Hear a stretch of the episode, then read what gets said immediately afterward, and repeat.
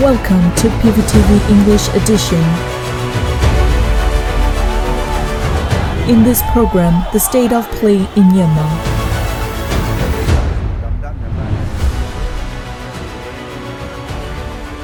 We are going to deliver current affairs review by PVTV.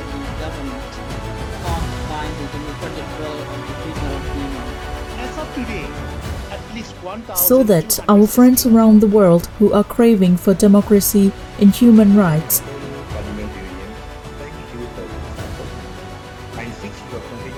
get a better understanding of the actual footage of the situations in Myanmar.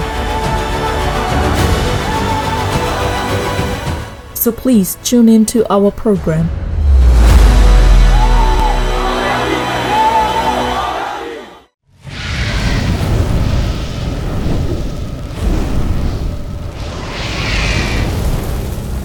Sagaing, or a region rising up from the battle over territory control like a phoenix. There is a well known saying in both Myanmar and international literature. It goes, Rise up from the fire like a phoenix.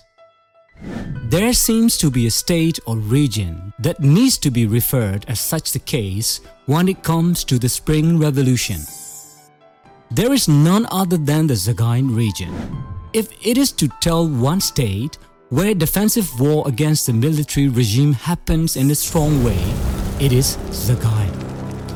It's fair to say that defensive operations are extensively occurring on one hand, and the terrorist military oppresses the civilians at full-fledged rate on the other.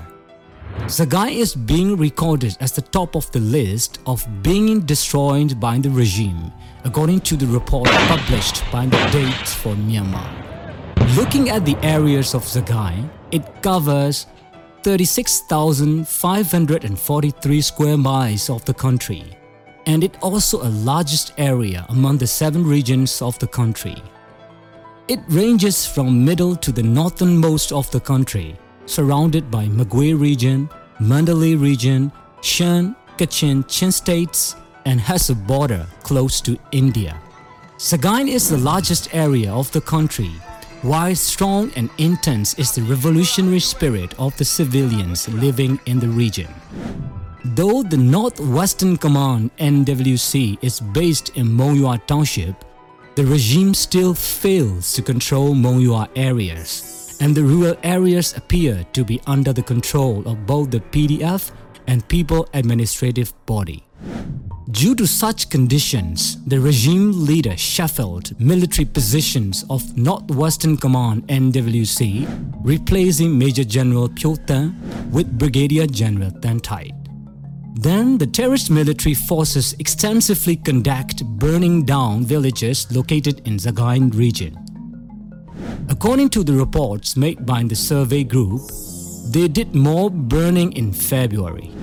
The regime was reportedly to having a discussion that all the People Defense Forces in Sagaing region are to be murdered or defeated by the military forces prior to the March 27th Revolution Day, the military named Tatmadaw Day. The regime reportedly named the operation as Kill All, Torch All. Soon after this news, the internet access was blocked in all the townships in the region except four townships. Right after cutting off the internet access, the evil military forces murder all civilians, including women, children, rape women, and set fire on the villages as the operation goes kill all, torch all. Based on the published news of the mainstream media and survey groups, the terrorist military is reportedly killing villagers, burning down the villagers, and using chemical weapons in Sagaing region. Necessary data and information were collected to be presented in this article. Such collected information related to burning down the villages are discussed here. There are totally 13 townships, 30 villages where the military forces set fire on in some areas and several villages being burned down completely. Such townships include Kani, Pale, Kambalu, Ayadaw, Je'u, Shwebo, Daze, Mingin, Yinmabin, Debing, and Kalay townships. Totally 30 villages located in these townships were burnt down. Motor Village, Naji Village, Aindown West Village, located in Kani Township, were destroyed by fire. Muidong Village, Kaindwin Village, Chao Village, Pen Village, and Logaji Village in Palay Township were destroyed, while Muidong, Chao, Logaji villages were completely burned down. Lezen village of Monywa Township, Yuaso village, and Namasaye village of Shwebo Township were burned down completely as well. Sekom village in Shwebo Township was also set on fire. Totally 100 households in Yidwin village, Kambalu Township, 100 households in Keba village, Ayadaw Township, and 71 households in Kabang village and Tazim village were destroyed. Also, 62 houses in Yimyat village, Yeu township were damaged by fire. In Desert township, 59 houses in Kabaungja village, 10 in Pejang village, and some in Changsong South and Yuashi North were destroyed.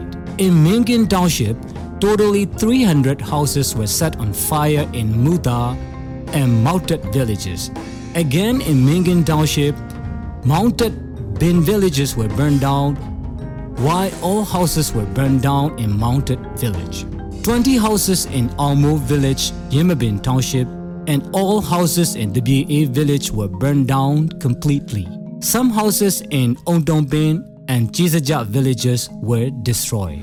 Some houses in Chakat Village, Debayan Township, and in Tempo Village, Kalay Township were burned down. These represent only the collected information while actual event may go beyond these number in the ground level. Huge is the amount of killing the civilians by the terrorist military forces. As a recent case, the military forces raided Thaindor village, King Township on March 8 and murdered 14 villagers. And then over 100 houses in Noyu village and 30 houses in the BA village, Palay Township were burned down on March 11 and 12. That is just a recent example.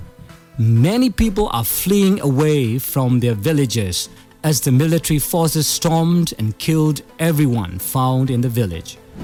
The terrorist military cut off the internet access in all townships in Sagaing region except four townships so that they can conduct such atrocities to the civilians. Looking at the report published by the Ministry of Women, Youth and Children Affairs, the National Unity Government, totally 31 children died due to the regime up to March 2nd since the coup.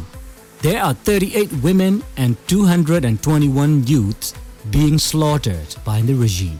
These statistics only reveal the number of women, youth and children who were dead in Sagaing region from February 1, 2021 to March 1, 2022. Totally 290 individuals died so far on March 1st since the coup. This resulted that the region having the highest casualties among the other states and regions. Based on the reports published by the UNHCR, there are over 50,000 refugees up to the recent week. This list also covers those who are from the Sagaing region. According to the PDF members, the terrorist military employed chemical weapons. The National Unity Government is making efforts to collect concrete evidences of the case. Approximately 4,000 houses were burned down in the Sagaing region. Many villages were set on fire at a complete scale. Sagaing can be said to be a region where the highest number of houses were burnt down by the regime. Even in Magwe region and Chin state, where the second and third highest rate are found, the number did not reach 1,200. The number trifles these regions or states.